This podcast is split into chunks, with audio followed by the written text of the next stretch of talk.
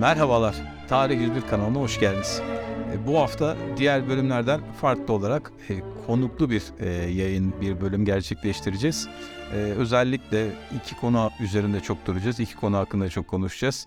Birincisi kardeş katli meselesi, ikincisi ise e, taht kavgaları. Özellikle Osmanlı ve diğer Türk devletlerinde yaşanan kavgalardan bahsedeceğiz. Çok değerli bir konuğumuz var bu hafta.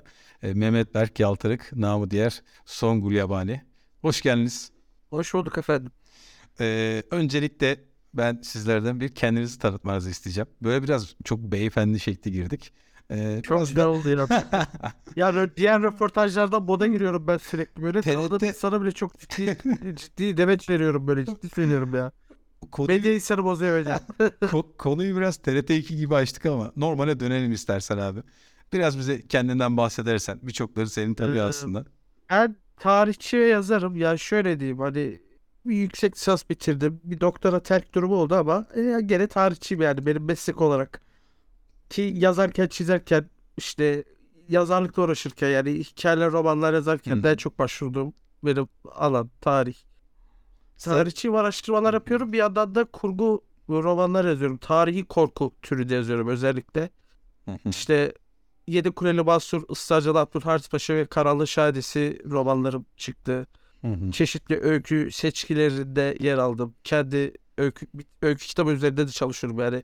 Roman gibi müstakil bir öykü kitabı da çıkarmak istiyorum. Hı hı. Baya yani 25-26 aşkın ortak çalışmada yer almışımdır. Yani makale olur.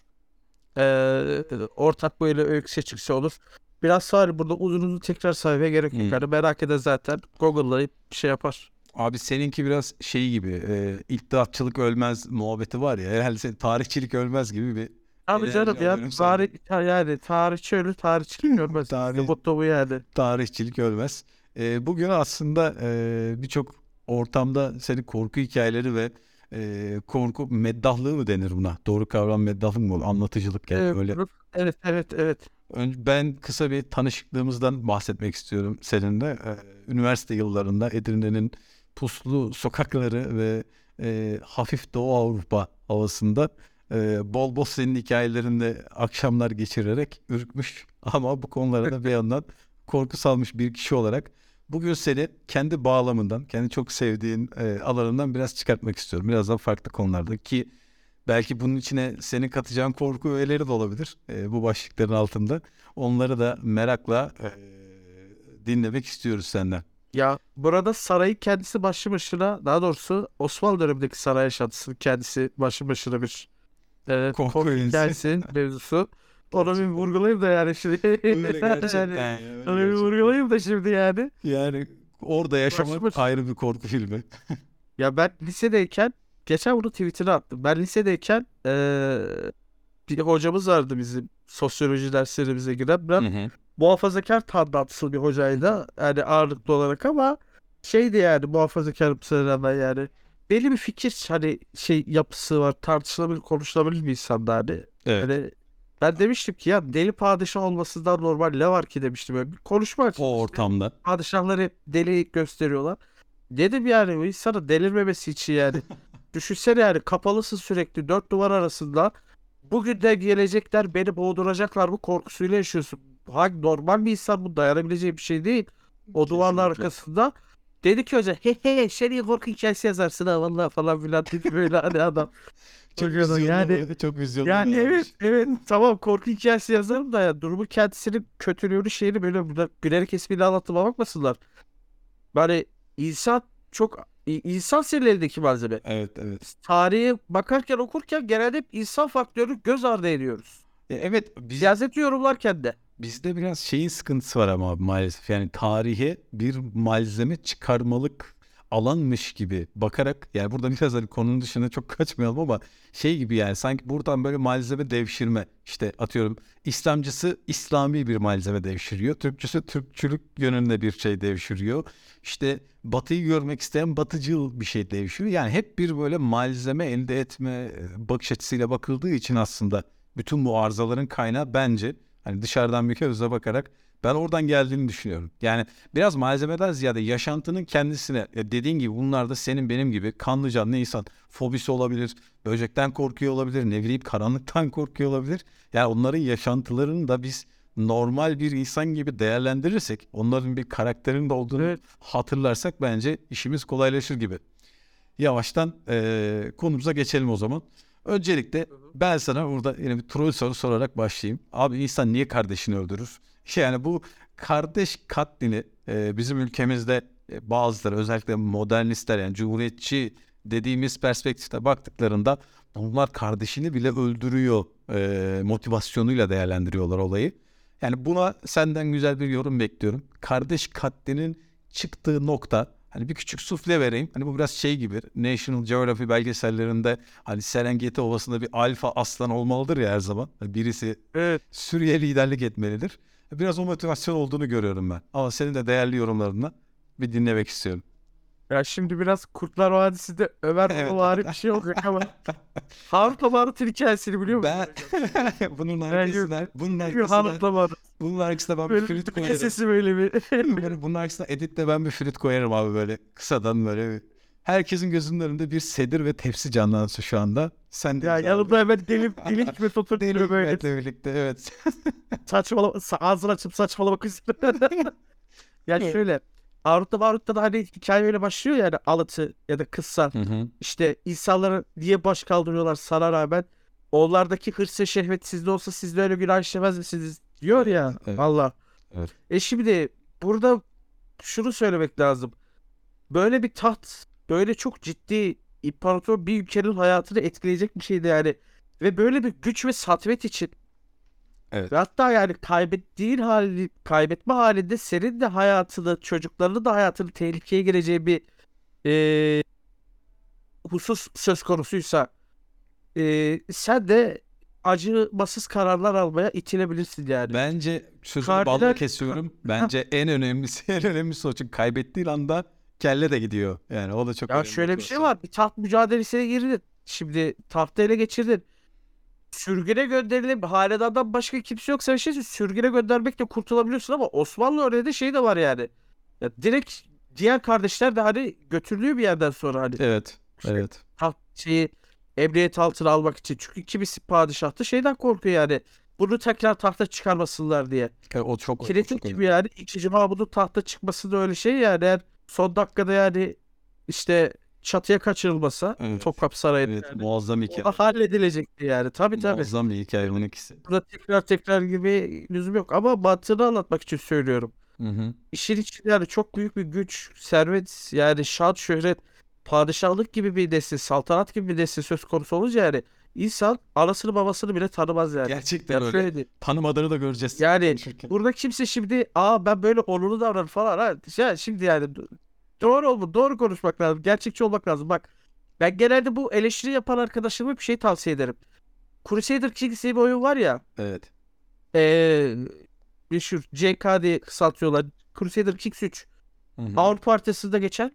Kendi hanedanlığı kurup belli kararlar aldığın ve eee bayağı bir hükümdarlık simülasyonu olan bu oyun. Ben hep bu oyunu tavsiye ediyorum. Ve diyorum ki bir hanedan seçin hiç hanedan kav- şey yapmadan Yönetmeye çalışın. hanedandan birilerini yönetmeye çalış. Diyorlar ki daha iyi anladım şimdi diyorlar ondan sonra şeyi. Ta, Evet. kardeş katledi sebebini.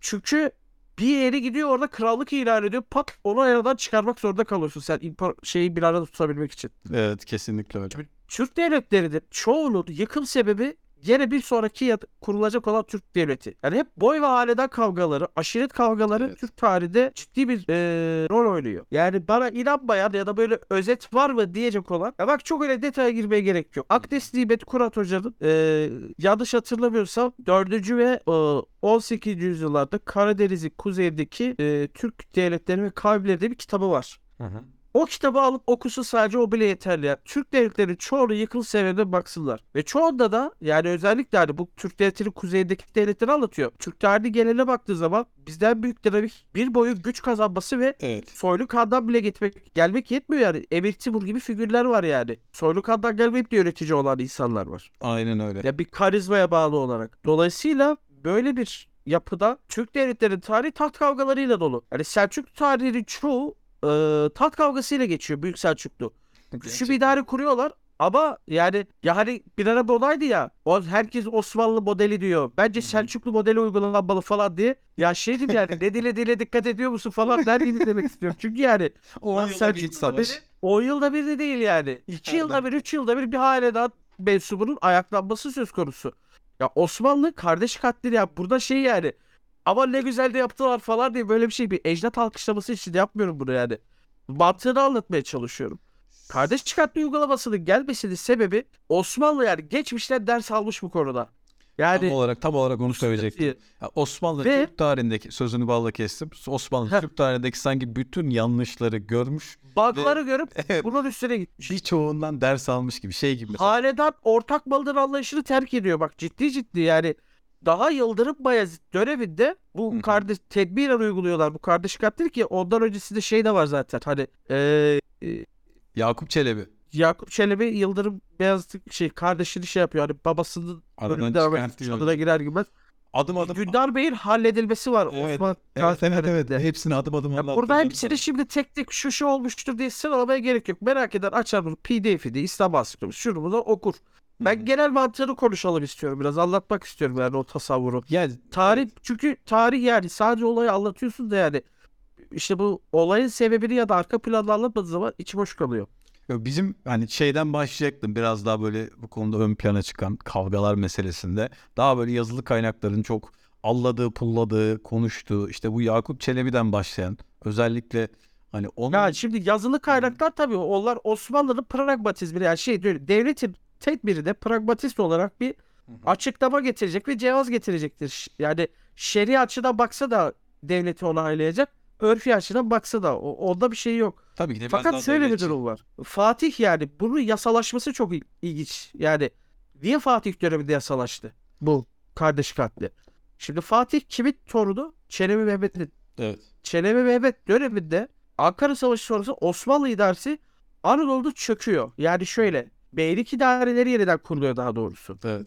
Ve o ortamda bir de şehzadeleri kendi padişahları ilan etmeleri söz konusu oluyor. Hı hı. Çelebi Musa, Çelebi Süle, Süleyman Çelebi, Ben ben özellikle Çelebi falan. ben özellikle o dönemi öğrencilere böyle PUBG dönemi diye anlatıyorum akılda kalsın Evet diye evet, şey. evet. PUBG dönemi Ha- gibi. haritanın bir yerine atlamış hepsi öyle. Ve hemen öncesine gidelim. Anadolu Beylikleri dönemi de işte benim ya. Kadı Burhanettin diye devlet idaresi var bak. Adam kadı. Kadı devlet kuruyor yani öyle bir dönem.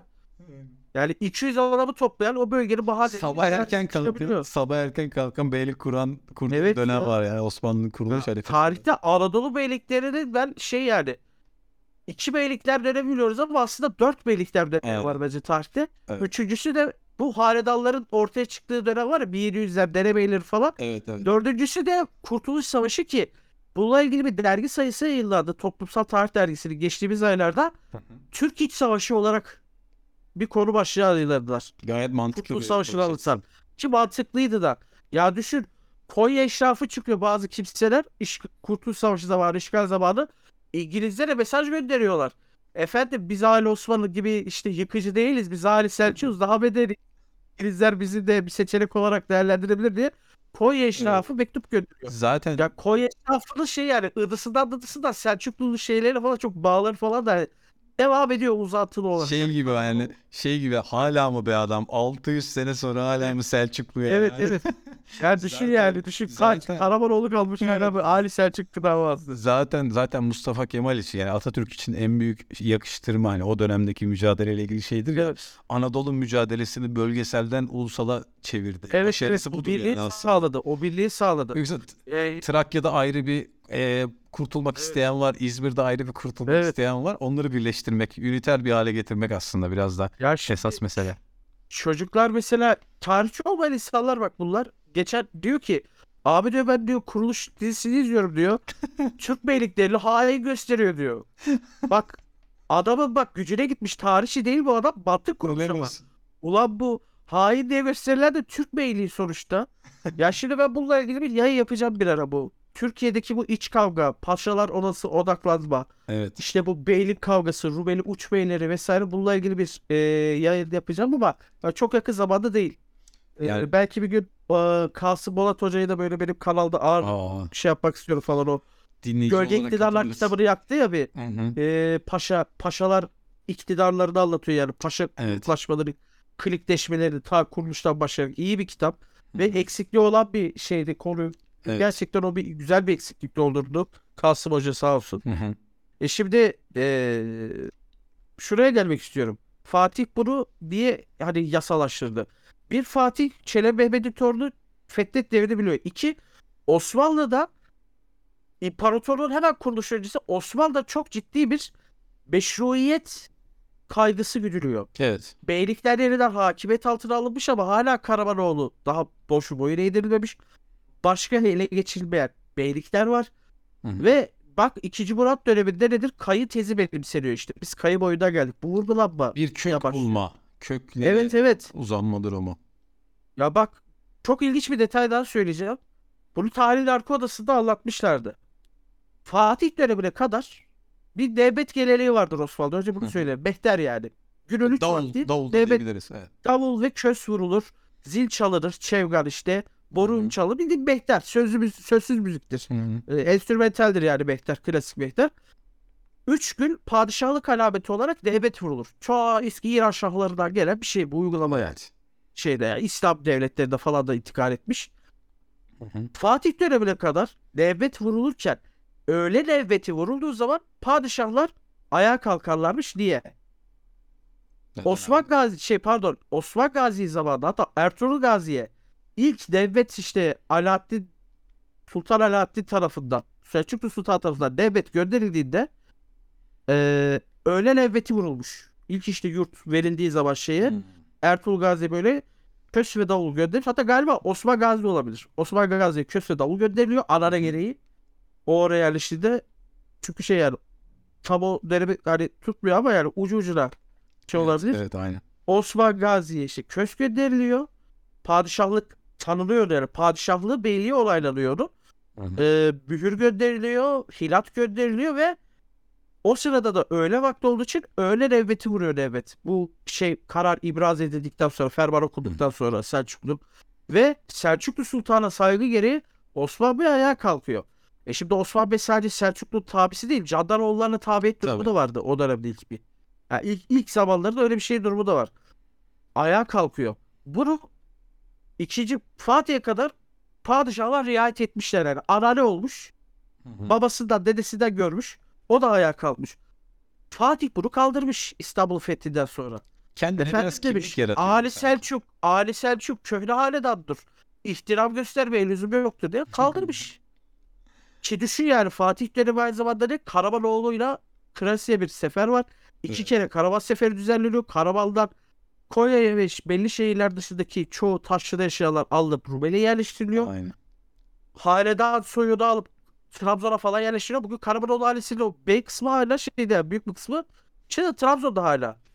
Osmanlı'nın bir kısmı Barış Manço, Mançozadeler Rumeli'de. Osmanlıların e, Osmanlıların bu dağıtma politikasına hayranım ya. Ya resmen Evet, mercimek Fatih- çorbası Fatih gibi de yapmış bölgeyi yani. Fatih bunun rekoru biliyor musun? Fatih Sims oynar gibi. ben İskan haritası gördüm bir tez çalışmasında. Bir tez ya da makalede İskan haritası gördüm. Fatih dönemi İskan politikası. Onu oradan almış, bunu buraya yerleşmiş. Ya imparatorluğun dizaynı hakikaten Ya Fatih yapmış. Şey kafası çok fantastik. Arnavutluk'tan alıyor, Trabzon'a gönderiyor. Trabzon'dan alıp da Arnavut'la hani bu Evet evet. bir yerli ve milli Erasmus yapmış adam yani öyle diyebiliriz o dönemde. Evet evet evet evet. Hani bir Kesinlikle. Farabi öğrenci değişimi gibi bunları da almış götürmüş her tarafa. E, Fatih, Ama tabii merkezileşme açısından önemli adımlar bunlar yani. ya işte Fatih bunu yaparken Fatih bunu yaparken tabii yani Karamanoğlu ile mücadele e, Anadolu'yu hakimiyet altına almak zorunda çünkü Dulkadiroğulları Beyliği ve Ramazanoğulları vesaire üzerinden Memluklularla Evet. zuhur edecek bir gerilim var. Evet. Memlüklerde zuhur edecek bir gerilim var. Fatih'in ömrünün son senelerine tekabül ediyor. Hicaz meselesinden başlayan E yani böyle bir dönemde Fatih gibi bir padişah çıkıp kardeş katlini sistemleştirilmesi şey değil ya padişah zaten ayrı bir yere konumlandırıyor. Bak ailesiyle yemek yeme usulü falan kaldırmasından bahsediliyor. Fatih. Protokol getirdi. Padişah tek başına yemek yiyecek. Yani hakikaten kendini ayrı bir yere koyuyor. Osmanlı o dönem imparatorluk oldu. Aa İstanbul'u fethettiler. Hadi bunlar imparatorluk diyelim demiyorlar. Hakikaten böyle bir dizayn var o dönem.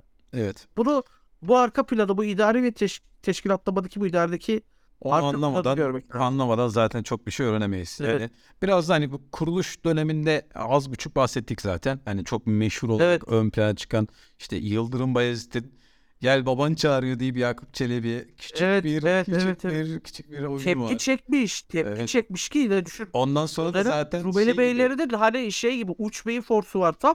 Tepki falan duymuşlar buna bayağı. Evet, şeyi muhabbeti var ya zaten abi bu e, düğünde 20'lik dağıtan enişte gibi şey de cülus dağıtıyor. Ondan sonra zaten hani askeri kafalamak için biraz daha Evet evet. yanına çekmek için. Hani bir- Askerler de bu culusu tanıyıp orayla padişah çok demesi, çok yaşa demesi çok Evet. önemli bir şey. Ya şey var Sultan Alparslan bu Sultan şey eee Sultan Alparslan tahta çıktığında sanırım yanlış hatırlamıyorsam Melikşah askerlerin bir kısmı yaşasın kavurt diye bağırıyor. eyvah. O Bak da düşün bu meşruiyeti zedeleyecek bir şey yani. problemli bir. Meşruiyeti kavurt biliyorsun Selçuk, Kirbat Selçuk'ta en Evet. çok ayaklanan şehzadelerden birisi. Ya düşün yaşasın kavurt diye bağırıyor. Bu ciddi bak bu, bu tür şeyler sembolik. İmparatorluklar sembollere ihtiyaç duyarlar. Ve semboller çok önemlidir. Sadece sembol değildir. Krallıklarda, beyliklerde, bu tür hanedanlarda, klasik Hı dönemde özellikle çok çok önemlidir semboller. Ya zaten- Dolayısıyla burada kardeş katlinin bir şey var. Bir idari mekanizması var ama şöyle de düşünülmesin. Ulan kardeş katli silme 1900 yıllara kadar uygulanmadı. Hanedan içinde de çok tepki vardı buna. Acımasız görünüyordu ki işte meşhur Sultan Ahmet'ten Evet. sonra zaten gelişim, gelişim yani reçber ve her şeyi de getirdiler. Evet. Kafe sistemini getirdiler yani. Ama ona rağmen yani kıyımlara engel olamadılar yani. Şimdi Evet. adam tahta çıkıyor. Ulan dur bu, beni tekrar tahttan edilip boğmasınlar, öldürmesinler Zaten diye. oralara, oralara adım adım ortamda. geleceğim. Oralara adım adım geleceğim zaten. tamam. Mesela Tamam. e, Fatih döneminde Fatih döneminde o meşhur e, tarih derslerinde de Aa, o şey var bir e, ka- küçük kardeşini şey yapıyor. İki yaşında, ya zaten. iki yaşındaki kardeşiyle başlıyor olaya. Adını şu an hatırlayamıyorum ama yani Fatih ama şöyle diyelim bir yandan baktığında bunları getirmesiyle biraz negatif bir izlenim oluşsa da yani geriye bıraktığı miras Bir de Fatih bir taht muhabbeti var ya biliyorsun değil mi yani? ilk O inişi babası şey- bir süre tahta bıraktı. Sonra işte Çağdalı Ali Paşa'yı diğer paşaları yüzünden bırakmak durumunda kaldı ya. Ve alternatif bir şehzade de değil yani. Al- Evet, şehzade geri hala şey favorisi 2. Murat'ın. ama o, Ama o vefat hayatını ediyor kaybedince. hastalıktan. Aynen. Yani taht ölüm Fatih'e geçiyor.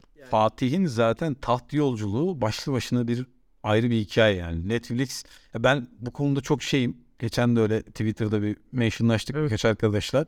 Türk tarihi yani Osmanlı tarihi bilinen yönlerin dışında aslında bir 50 tane ayrı dizi çıkartacak bir Tabii tabii. hikaye temeline sahip ama bunu inatla görmüyorlar. Görmesinler. Evet, bir, gün, Görmüyorlar. bir gün biri çıkacak, bir gün biri çıkacak. Yani, ekmeğini yani. güzelce yiyecek inşallah. Biz Evet, gelelim evet. Fatih döneminde bu hani Fatih niye bu kadar konuştuk? Çünkü kendisi aslında bütün yani ulemanın hepsinden destek almasa da e, kanunnamesine bir e, kanun ekliyor. Her kim ki tahta müyesser ola karındaşını katletmesi vaciptir diyerek nizam alem için yani devletin devletin ve dünyanın düzen için Bak meşruiyet önemli. diyor. Yani bu keyfi bir şey değil. Nizam alem için diyor. Ya orada evet yani hani Evet, şey hobi olarak yani. hobi olarak yani canına sıkılın. Çünkü Kardeşiniz bak- öldürün değil yani durum. Saraydan düşünsene şimdi şeyin bir hayalinde canlandır. O meşhur işte e, Deli İbrahim başa geçtiği Hı hı. zaman işte Deli İbrahim zamanı saraydan bir sürü pardon Deli İbrahim diyorum. Şehzade e, şey 4. Mehmet tahta geçtiği zaman bir sürü kardeşi var. Hı. Şeyden. Kardeş ya da şey işte soy boğduruluyor çoğu böyle yani. Düşünsene yani Evet. küçük bebek bebek tabutu boyunda Evet. sandukalar çıkıyor saraydan. Ahaliyi düşünsene yani. Açıktan değil ama yani. Üçüncü Mehmet değil mi? söver de insan. Üçüncü, üçüncü Mehmet. Dördüncü, Me- dördüncü Avcı Mehmet. Ha, avcı mı? Değil.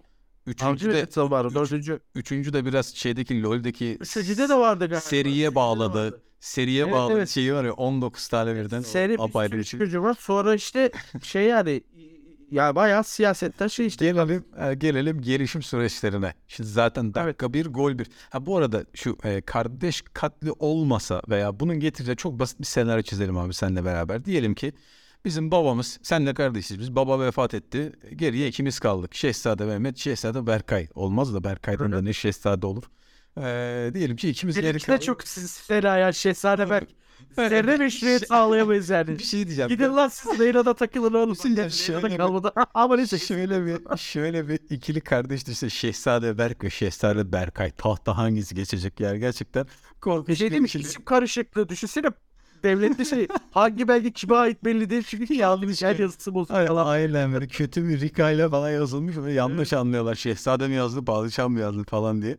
Yani mesela şöyle bir senaryo çizelim. Diyelim ki mesela eee, sen daha ön plandasın ve başa geçtin. Ve çok da hümanistsin. Dedi kardeşim seni katlet, katletmeyeyim. Sen git Manisa'ya veya işte atıyorum Amasya'ya git oralarda takıl dedim bana.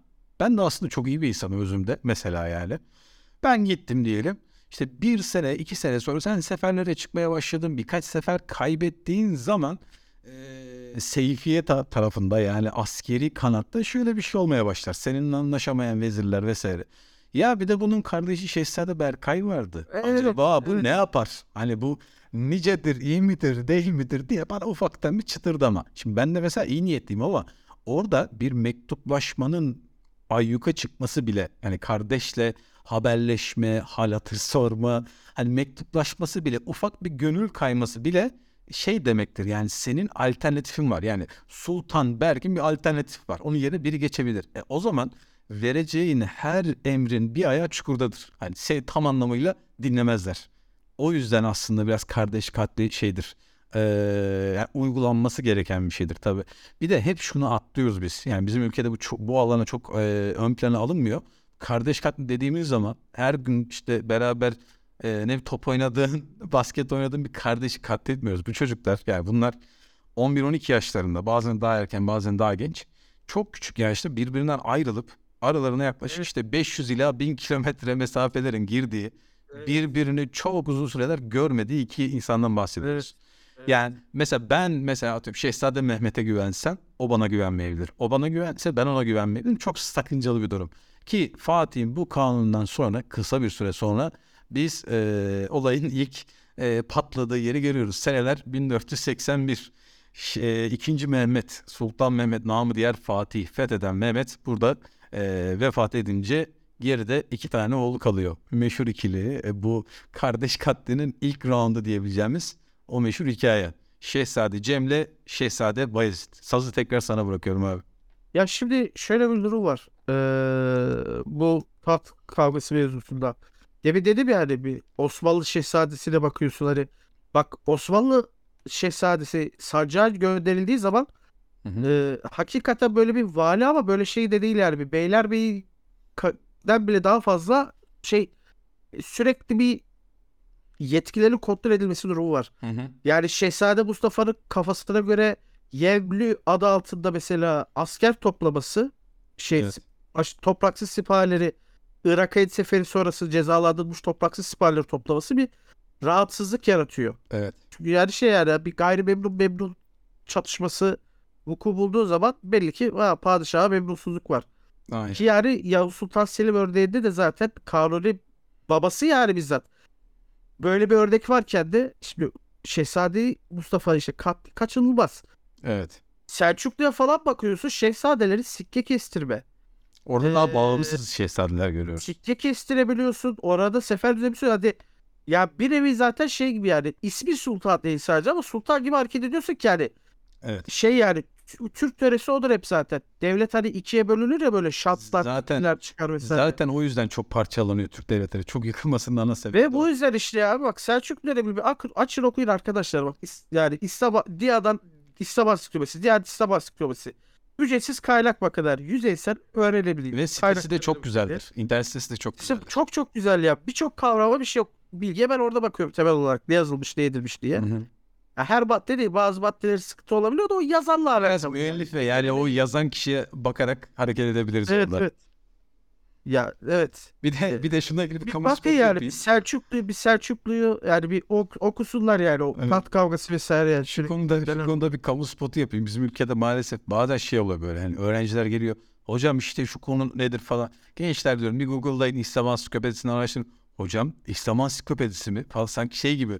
Hani böyle e, belli bir tarikat oturmuş da e, böyle bir ansiklopedi yazmış gibi anlamış. Ya Bazı hakikaten evet ya. Yani o Geçen algıyı da yıkalım yani.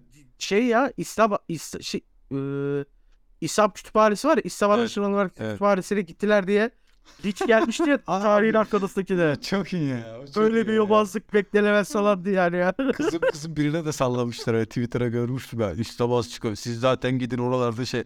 Yani böyle şey zannediyorlar. Hani kapıda böyle İslam. Ceren'e yazdılar ya. Ceren Sıkkın var ya paylaştı. Evet evet evet. Bir şey paylaştı. İşte İslam Ansiklopedisi'ne ne kadar güvenilebilir falan diye. Yani Ya gerçekten bu Ee, temel bir başlık hala arkadaşlar yani bunun bir Leyden de basılan eski bir basım versiyonu var İslam Ansiklopedisi'nin. Şeyde Almanca falan böyle bayağı şey bir kaynak. Bir de bizim Türkiye'de Diyanet'in bastığı 90'larda der 80'lerde derlenmeye başlayan maddelerini akademisyenlerin yazdığı eee, ciddi referansları olan.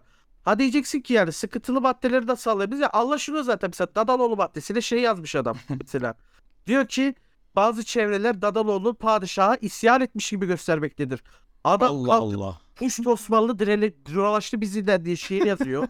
Ferman Padişah dağlar bizim diye şiir yazıyor. Adam bunun bir tık ötesi doğrudan sövmek falan. Şey daha- gibi, şey gibi. Hani padişaha karşı bir takım hoşnutsuzluklar. Aynen bir falan. haşlatsız aynen öyle tatsızlıklar falan. Aralarında Yani. istenmeyen olaylar yaşanmış. Bu arada Böyle e, avşar gerginliği falan böyle hani gazete haberi gibi. Böyle. Ceren- otlak kavgası. Ceren hocamıza da Ceren hocamıza da çok selamlar. Özellikle eşim kendisini çok severek takip ediyor. Ailecek takip ediyoruz diyelim. Ve e. Cem Bayezid meselesini bir de senden dinlemek istiyorum abi. Özellikle kardeş katlerin yani kardeş katlerin Aa. yasalaşmış halinin ilk sahnesi olarak Bak, karşımıza çıktı. Bak Cem Beyazıt konusunda şimdi birçok insan şey diyor. Ya bir Cem Sultan e, hayranlığı var çoğu insanda şeyde. Ezileni severiz biz Anadolu. Ya bir, bir arabesk, biz arabesk millet yani hakikaten arabesk davar var bizde yani. Biz Orta Doğu etkisi. Gerilmek hep böyle acı çekmek yani aşk çekmek. Aşk acısı çekeceksin. Öyle olmaz. İş mi yapıyorsun? İşinden zevk alıyorsan iyi değildir. Aynen. Böyle algılamış Vardı yani. bir hitlik onunla. Anladın mı böyle? Birisi olunca da çok şükür diyorsun mesela nasılsın diye. Yani Aynen. çok iyi falan çok mutluyum deyince çok anormal karşılanabilir mesela. Neyse arabesk bakıyoruz ya.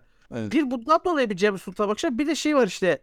işte Cem Sultan'ın şehzadelerinden işte birinin ismi e, Oğuzhan falan ya böyle. Hani. biraz romantizm yaratıyor. Ve bir de tabii romantizm yaratıyor. Ve Fatih de hakikaten şey yani e, daha muteber gördüğü bir şehzade. Yani Fatih biraz kendisi gibi görüyor. İs- Kendi istidadını Cem'de görüyor. Cem Sultan'da görüyor. Evet. Daha atak Beyazıt'a göre. Fakat şöyle bir durum var. Fatih döneminde o kadar çok sefer yapılmış ki Hı hı. bak genelde bu çok nadirdir ama artık asker ganaime doymuş yani. Ganaim ganimet. Sürekli bir sefer yapıldıkça toprak tazim edilir. İşte yağma e, işte mal falan el değiş tokuş yapılır. Şey, Evet. para gelir kaynağı olur ya. Hı hı. Hani bir padişah sefere çıkmadığı zaman derler ya. Hünkârım gaziler sabırsızdır. Ganaim ister doyum almak ister. Evet. Ganaim ve doyum diye geçer bu ganimet. Hı hı. Fatih döneminde fazlasıyla dolmuşlar. Beyazıt'ın ülema tarafından vesaire yani yönetim tarafından desteklenmesinden büyük sebebi. Cem başa gelirse Fatih'ten beter Devam edecek. uğraşırız. Fatih de zaten çok gazaplı bir hünkâr biliyorsun yani böyle Evet. birini azlettiği zaman bak kızıp da böyle kamçısıyla falan vuran şey yapan birisi yani. Hı hı. Darbeden birisi yani şeyden şey bir gazaplı bir hüküm. Biraz şiddet yanlısı diyelim hani bugün. Evet, evet. Evet, evet bayağı gazaplı ve hafif bir uçarılıkları var yani. Dolayısıyla ama bu da başımıza bela olur diye Beyazıt'ı daha çok destekliyorlar. Ki hakikaten Beyaz döneminde de yani Akkirman seferi hariç çok bir sefer yok yani. Bir alıp bırakılan kaleler oluyor bir işte. Memlük'le falan, falan. bir iki çok çok aktif var. bir şey.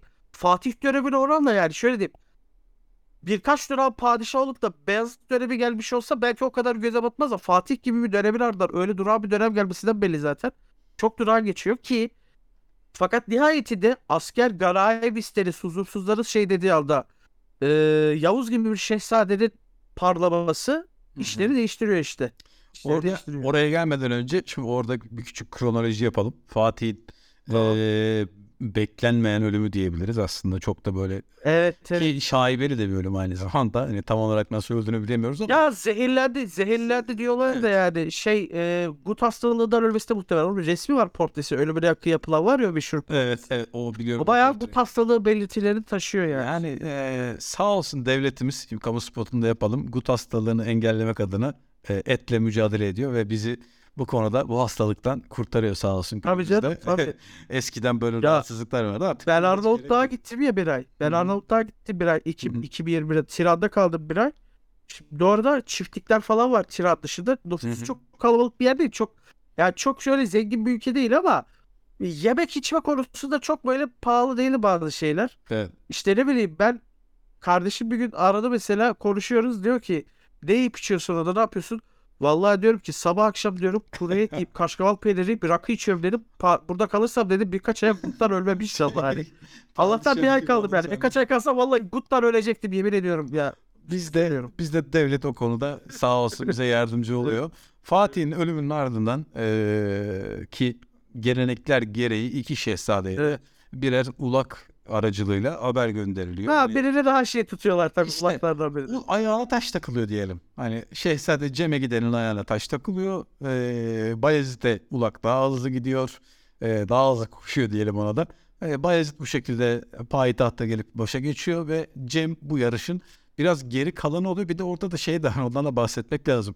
Bu tahta hocam bunlar nasıl çıkıyor? Hani biri çıkıyor da öbürü niye çıkıyor? Bu biraz eskiden bir e, telefonda mobil oyun vardır. Temple Run diye. Hani böyle hani gerçekten öyle bir yarış yani. Tahta kim çıkacak derseniz önce giden yani daha hızlı İstanbul'a giden genelde tahta çıkıyor. Böyle bir gelenek ve Evet. garip bir şey de var. Ee, gelenek de var Osmanlı'da. Bayezid geç bir şekilde haber alıyor. Daha sonrasında Bursa yakınlarında yanlış hatırlamıyorsam Yenişehir civarıydı. Burada gelerek karşısına e, kardeşinin karşısına çıkıyor ve iki taraf arasındaki e, meşhur savaş Yenişehir Ovası'nda iki taraf birbirine giriyor. E, ve bu savaşın sonucunda Cem'in o muhteşem tarihin ilk vlogger, ilk YouTuber yolculuğu başlıyor abi. Yani o yani katliamdan kaçmak için katledilmemek adına Bursa'dan başlayan yolculuk çok uzun bir serüven sonunda korkunç bir yerde bitecek kendisi adına. İlk önce Konya'ya gidiyor ki orada da farklı mücadeleler var. İstersen biraz sana bırakayım sazı. Yani şimdi şöyle bir durum var işte. Sonrasında mevzu niye gene tat hani kardeş katli bu kadar işte yasalaştı yerleşti ye geliyor. Hı hı. Cem Sultan'ın işte Memluklara ve işte papalığın eline gitmesi, orada bazı işte evlilikler olması, bazı çocukların olması bak şey çok ilginç. Rodos'u fethettiği zaman Kanuni İlk orada iş- Cem Sultan soyundan kimseler var. İlk iş onların Evet. şey yapı idamı oluyor ki şöyle diyeyim Osmanlı aslında bunları aileden saymıyor yani. Bizimle alakaları yok yani Hristiyan olmuşlardı. Osmanlı ailesiyle alakaları yoktu ama Aynı ele geçirdiği olması. zaman da ele geçirdiği zaman da direkt yani o şeyden azade kılınmıyor yani. Hanedandan sayılmıyor diye yok. Evet. Ortadan kaldırıyorlar ki Osmanlı'nın titizini şurada görüyoruz. Padişahları yeğeni olan kimseler var Osmanlı'da yani işte padişah kız kardeşi bir paşayla evleniyor. Evet. Oğlu oluyor. Düşünsene padişahın yeğenisin hani. Evet. Dayım padişah. Şey Şey gibi. gibi. Şey gibi. Dayım, dayım Sedat Peker gibi bir şey yani işte. Dayım padişah. ama ama düşün şimdi. Bunlar hani hiç bahsi bile geçmiyor bak. Ee, bunların tahta çıkmasına şey yok. Çünkü baştan bir kaide oturtmuş yani. Evet. Aileden şey, babadan oğla padişah eder. Hatta şöyle söyleyeyim. Çok sivrilen aileler, hanedanların bile tarihine açıp bakın bir yerden sonra hiç yok yoklarmış gibi oluyor. Bıçak gibi. Balkoçoğlu ailesi öyle. Ee, keza şeyler öyle. Çandarlı ailesi öyle. Bak Hı hı. aile devam ediyor ama göz önünden çekiliyorlar. Kritik görevlere gelmiyorlar. Evet, Yani şey yani Osmanlı yani. alternatifleri yani alternatifleri çıkmasına çok çok müsaade etmiyor her türlü. Bu Evet. Osmanlı'nın çok hassasiyet yaklaştığı bir konu olduğu için zaten hanedan 600 küsür yıl işte ya o kadar şey uzun süre ayakta kalabiliyor zaten tek hanedan. O, o çoğunluğun yaptığı hatalara kapılmadan devam ediyor. Evet, Ki bu evet. Cem'in Cem'in çocukları konusunda da ben bir ekleme yapayım. Oradaki hikayeyi ben biraz araştırmıştım yani. Sultan Süleyman burayı aldıktan sonra e, Hristiyan oluyor oğlu ve daha sonra e, Pierre adını alıyor Hristiyan olduktan sonra. Hatta Papa'dan buraya kendisine bir tımar gibi bir vergi geliri, bir toprak geliri falan bırakılıyor. Daha sonra onun oğlu oluyor Cem adını alıyor. Cem'den sonra yetişip Hristiyan olunca Nikola falan diyorlar. Yani e, çok değişik bir şey kültürü var. Evet. Yani bir Avrupalı Avrupalılaşma kültürü var. Cem'in yolunun sonu Roma'da bitecek maalesef. Papa'nın elinde bitecek. Ee, Çocukları da Sultan Süleyman tarafından katledilecek. Buradaki bu taht mücadelesi de aslında e, biraz şey yani Fatih gibi bir padişahın çocuklarının, torunlarının bu duruma düşmesi e, mücadelenin ne kadar kanlı ve hırslı olduğunu bize güzel bir şekilde gösteriyor aslında. Devamında da e, bir benzer mücadele. Bu sefer Bayezid tahtı alıyor ama onun da tahtı bırakışı pek de sağlıklı olmayacak. Bu sefer Bayezid'in 30 senelik biraz yavaşlama dönemi diyebileceğimiz o kadar agresif bir yayılma politikasının dışında daha durağan bir dönem ki yükselme içinde duraklama diye anlatıyoruz biz bunu derslerde de. E, Bayezid'in yerine gelecek olan ki onun oğulları arasındaki rekabet de bambaşka. Çok çetin bir mücadele var. Şehzade Selim ki en gözde Evet. olmayan, en uzaklarda Ahmet ve Korkut kardeşler. Onlar biraz daha e, tamam babacım, anladım babacım modunda takılırken Evet. Selim'in Trabzon'daki o müthiş rekabeti. Biraz ondan bahsedelim istiyorum abi. Ya burada aslında şöyle bir durum var. Ee, Selim'in sivrilmesi yani Selim yani Yavuz Sultan Selim ya düşün o, o da gazaplı bir hükümdar. Evet. Bu da biraz dedesine çekmiş bir hükümdar yani baya baya ve e, fakat ciddi bir e, stratejik bakış açısı var. Yani çok genç yaşta vefat ediyor. Yani Selim yaşasa ömrü vefat etti kim bilir biz nasıl bir hani daha nasıl farklı bir Osmanlı Evet. Çok çok başka. Bunu niye söylüyorum? Bunu niye söylüyorum? Şehzadeliği de Trabzon'dayken daha o zaman da Memlük sınır çatışmaları çok ciddi boyuta geliyor. Hani demin dedim ya Fatih dönemi de başladı. Evet. İkinci Beyazıt döneminde ciddi kale alıp veriliyor ve Memlükler biraz baskın geliyorlar. Yani bu Ramazanoğlu şey toprakları Dulkadiroğulları'nın desteğiyle Yol birlikte. topraklarına doğru. Özellikle şiddetli çatışmalar bizim Çukurova kaleleri üzerinde oluyor. Bizim Adana Hı tarafında. hı. Ve şimdi e, o ortamda askerde de buna karşı Memlüklere karşı bir memnuniyetsizlik, bunlara da sefer gerektir falan düşünceleri varken bu perspektifle Yavuz o zaman Yavuz olmayan Şehzade Selim Evet. kalkıp da ilk etapta Memlüklerin asker kaynağını kesmek için Kafkasya'ya çok ciddi bir sefer düzenliyor ve Hı hı. Sefer şey değil yani. Fatih'i de var seferi. Hatta Fatih şehzadeyken Akçahisar seferinde babasıyla birlikte hücuma katılıyor. Yaralanıyor elinden. Akçahisar seferinde Arnavutluk'ta İskender Bey'e karşı. Hı hı. Fatih şehzadeliğinde yani. Gazilikte falan var yani. Evet. Bu öyle bir şey değil ama. Yavuz'unki direkt e, sefer. Direkt baba Bir sefer yani. rahatsızlık yaratıyor. Se- Ya mektup göndermiş. Yani şey işte e, karşısına kendisine karşı tekbir almak durumunda kalıyor işte e, ikinci Beyazıt.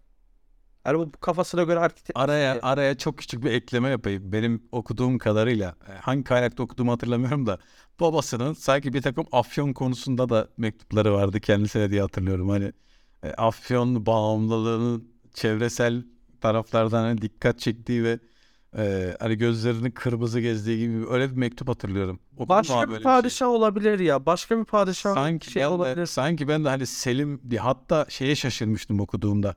Allah Allah Selim hani gaddar durur dışarıdan böyle görünür babasından özür falan diliyor böyle hani suyuna gidiyor babasının. Mektupları okuduğumda Genç, şaşırmıştım. belki. Kaynağını Ben hatırlayamıyorum. şimdi yalancı yani yalan söylemiş oldum. Günah boynuna diyelim. ben- tarihin dedikodusu oldu. Ama ama e, şey işte biliyorsun Kırım Hanı'nın işte Kırım Hanı'nın Kızıyla. bir evlilik yapıyor Kırım Hanı'nın kızıyla ve Evet.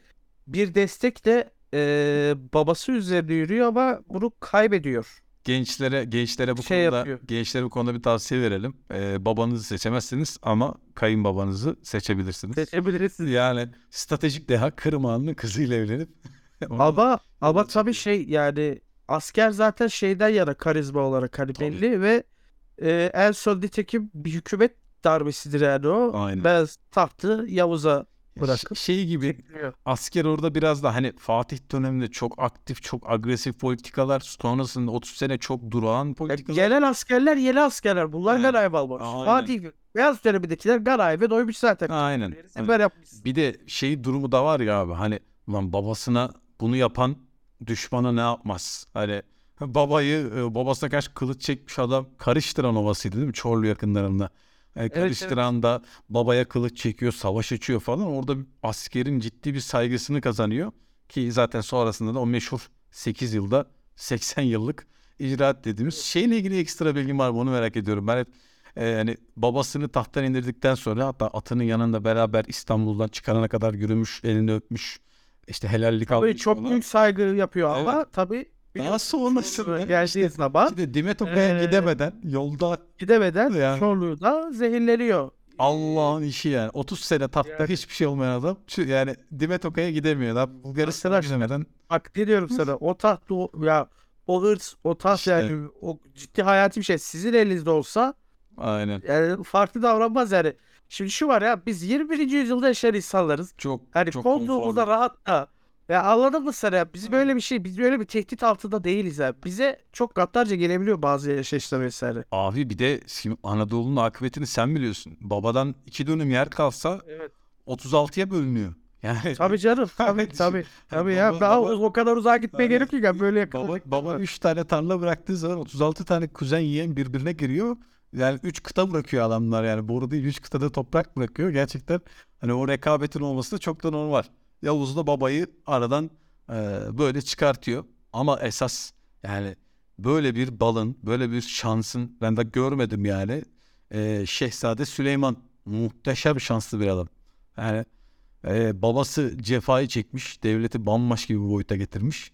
Bir anda bir bakıyorsun allı ballı devlet e, kendisine kalıyor. Tek çocuk. Evet. En büyük balı bence bu. Tek erkek çocuk. Yani burada çok şanslı olduğunu düşünüyorum ben. Ki zaten genel kabul gören bir şey. Burada şey hikayesini biliyor musun abi? Babası şeye e, babasının vefatının üzerine işte mektuplar geliyor kulaklarla. Şey yapmıyor. E, hemen gelmiyor. O hikayeyi biliyor musun onun olayını?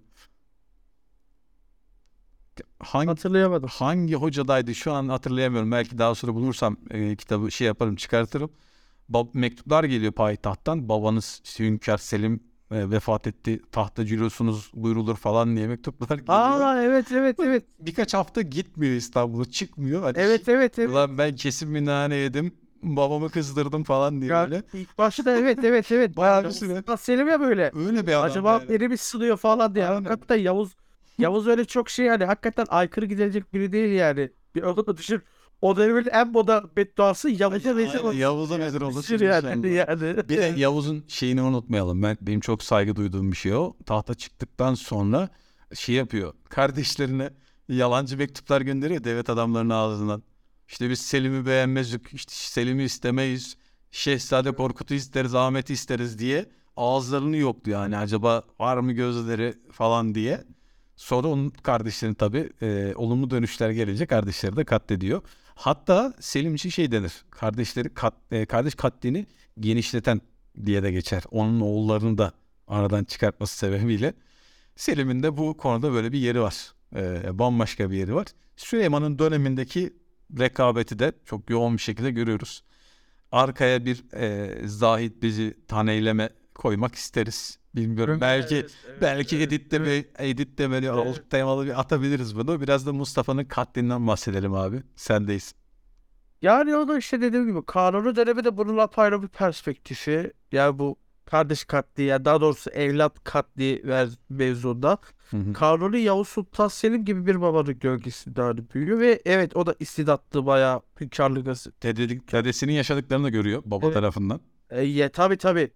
Ya en büyük etkisi şu. Şehzade bu şimdi bazı korku temelsiz değil. Bir kere zaten evet bir Yavuz Sultan Selim örneği var önünde. Bir de işte Yevlü dediğimiz bu topraksız sipahilerin, gayrimemnunların önce Şehzade Mustafa'nın sonra da diğer Şehzade Selim ve e, yani daha doğrusu Şehzade Selim ve Beyazıt kavgasına karışmaları ya daha padişah hayattayken askeri böyle birilerini tercih edip yanına yönelmeleri falan Hı hı. padişahı e, ciddi ed- endişelendiriyor yani. Ve o yüzden belli adımlar atmak durumunda kalıyor ki düşün padişah zaten eceliyle ölmediği için bazı tarihçiler bu yorumu Hı hı. yapıyorlar. Gelibolu Ali, Mustafa Ali falan. İşte şey sefere gönderdiler Zigetvar'a da hani sefer yolunda artık vefat etsin de Kim vurduya gitsin. tahta çıkaralım diye. Aynen. Ya, ha- hastadır, yaşı da şeydir zaten. Bu sefere dayanamaz. Kesin vefat eder diye koşar adım çıkarmışlar. hani Sen de öl be abicim ya. 46 sene Ya, tahta hakikaten kalmak nedir yani? Ha- hakikaten yani o şekilde e, ama şey yani korkunun canı faydası yok yani. Başka şekilde vuku buluyor korktuğu şey aslında. Bir nevi korktuğu başına geliyor ama farklı şekilde. Evet, evet. Daha doğal bir yolla geliyor yani. Daha hani Daha abi, şeydi kalp diyorlar şeyi diyorlar. Kalpten gitti gibi artık 72 yaşında. Ve Şehzade Ama Mustafa'da şey var ama işte bak Kanuni'nin tepkileri Mustafa'da yok. Mustafa cidden babasına hani bence sadık biri. Çünkü sadık olmasa yani o böyle yaşa kadar. eliyle ayağını sallaya sallaya öyle çadıra gitmez sadık adam yani. Ya Beyazıt Evet. yapmaz. Ya, yap, şey, yapardı Yavuz yapacak hani. Evet. Ya düşün, daha farklı hareket ederdi diye düşünüyorum. Bir de çok ciddi bir yaşa kadar da bekliyor. Yanlış hatırlamıyorsam 35 civarı, 35 40'a yakın Tabii, bir tabii. yani isyan edecek adam şey mi bekler? Yani EYT yaşı Tabii, gelmiş tabii. adamın neredeyse ya o yaşa kadar beklemez Aynen. bence de. Yani ama orada daha acıklı olan hani Mustafa'nın katli biraz televizyonunda aşırı biraz da Mehmet Gülsür etkisi şimdi yalan şey yapmayalım. Yani Mehmet Gülsür'ün o yakışıklı, karizmatik oyunculuğu falan orada çok etkiledi. Bayezid'in katli de çok fena. Hatta aralarındaki o mektuplaşmayı bilirsin abi şeyden eee, babasıyla yani Şehzade Bayezid ile Süleyman arasında şey vardır bir hatta bulursam şimdi onun bir iki mısrasını okumak istiyorum. Babasıyla anlaşamadığı noktada isyan ediyor. Yani daha doğrusu Selim'le kapışıp tahtı kaybedip şey yapıyor. İsyana biraz daha yelteniyor ve acıklı bir şekilde İran'a kaçmak zorunda kalıyor. Yani baş düşmanları İran'a kaçıyor. Yani o da çok eee, üzücü bir üzücü bir eee, sahne. Evet. evet. Ve ama diğerlerinden enteresan bir şekilde taht kavgalarında bu kadar romantik bir mektuplaşma olmaz normalde. Eh, babasına mektup yazıyor bu noktada Bayezid. Onun bir iki mısrası var şu an buldum. Eh, Ey seraser aleme Sultan Süleyman'ın baba. Tende canım, canımın içinde cananım baba. Bayezid'ine kıyar mısın benim canım baba. Bir günahım hak bilir devletli sultanım baba. Yani hani kral sende hani iyi niyetli bir çalışma ama bilmiyorum yer mi? Yememiş tabii ki de. Onun e, Süleyman'ın cevabı da e, benzer bir minvalde. Ey demeden masarı, tuyanı, isyanım oğul. Yani isyan eden işte oğlum. Takmayan boynuna hergiz tabkı fermanım oğul. Ben kıyar mıydım sana ey Beyazıt hanım oğul. Bir günahım değil mi bari? Tövbe kıl canım oğul. Yani ne Ulan bırak artık hani buraya gelmişiz günahsızım da deme yani artık hani bir tövbe et falan gibisinden. Ya burada ciddi bir eee şairane de bir aslında iki taraf arasında bir iletişim görüyoruz. Sonrasında Bayezid mücadeleyi kaybedip gidecek Safevilere yani o dönemin can düşmanı sayılabilecek Safevilere sığınacak ve bunun sonucunda da e, parası neyse Süleyman tarafından ödenecek ve Safevilerden alınıp çocuklarıyla beraber o da katlediliyor. O ayrı bir seviye. Yani bir de Süleyman'ın döneminde Süleyman'ın ciddi bir şanssızlığıdır bence bu. Ya hiçbir baba ne kadar gaddar olursa olsun en Mustafa'yı e, katletmek zorunda kalıyor, öldürmek durumunda kalıyor. Bir yandan iki oğlunun kapışmasını görüyor. Yani Selim'le Bayezid'in kapışmasını görüyor. Bayezid'i de katlettirmek zorunda kalıyor. Bir de Şehzade Cengiz, o meşhur kambur e, rahatsızlığından mütevellit bir oğlu var. Onun da ölümü. Adam yani iyi yaşamış ya 70 yıl. Bence yani bu kadar oğlunu öldürerek yani iyi bir ömür sürmüş diyebiliriz onun içinde. Hakikaten ya. Düşününce insan üzülüyor yani. Dörtte üç oğlunu kaybettiğinin üstüne abi gerçekten bence zor bir manzara. Gelelim artık ya bu evet evet. ka- kardeş katlinin suyunun çıktığı yerlere biraz da oradan bahsedelim. Yavaştan da sonrasını kapatalım. Ee, kardeş katli bir süre daha daha itidalli bir şekilde devam ediyor. Ta ki 1590'lara kadar Mehmet-i Salis 3. Mehmet döneminde biz işin suyunun çıktığını görüyoruz.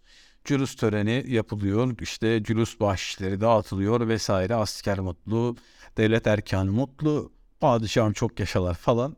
Gece bir yatıyorlar. Sabah bir kalkılıyor. 19 tane tabut. Hatta Evet. şey diye okumuştum ben. işte mevedeki bebelerden yaşlısına kadar Evet. bayağı bir bayağı bir katliam yapmış adam. 19 e, hanedan mensubunu birden katledince ciddi anlamda bir lanet okuma durumu. Yani 3. Mehmet'e Evet dair. evet. Orada Abi tabii ya millet düşünsene yani şey tepkiyi düşük.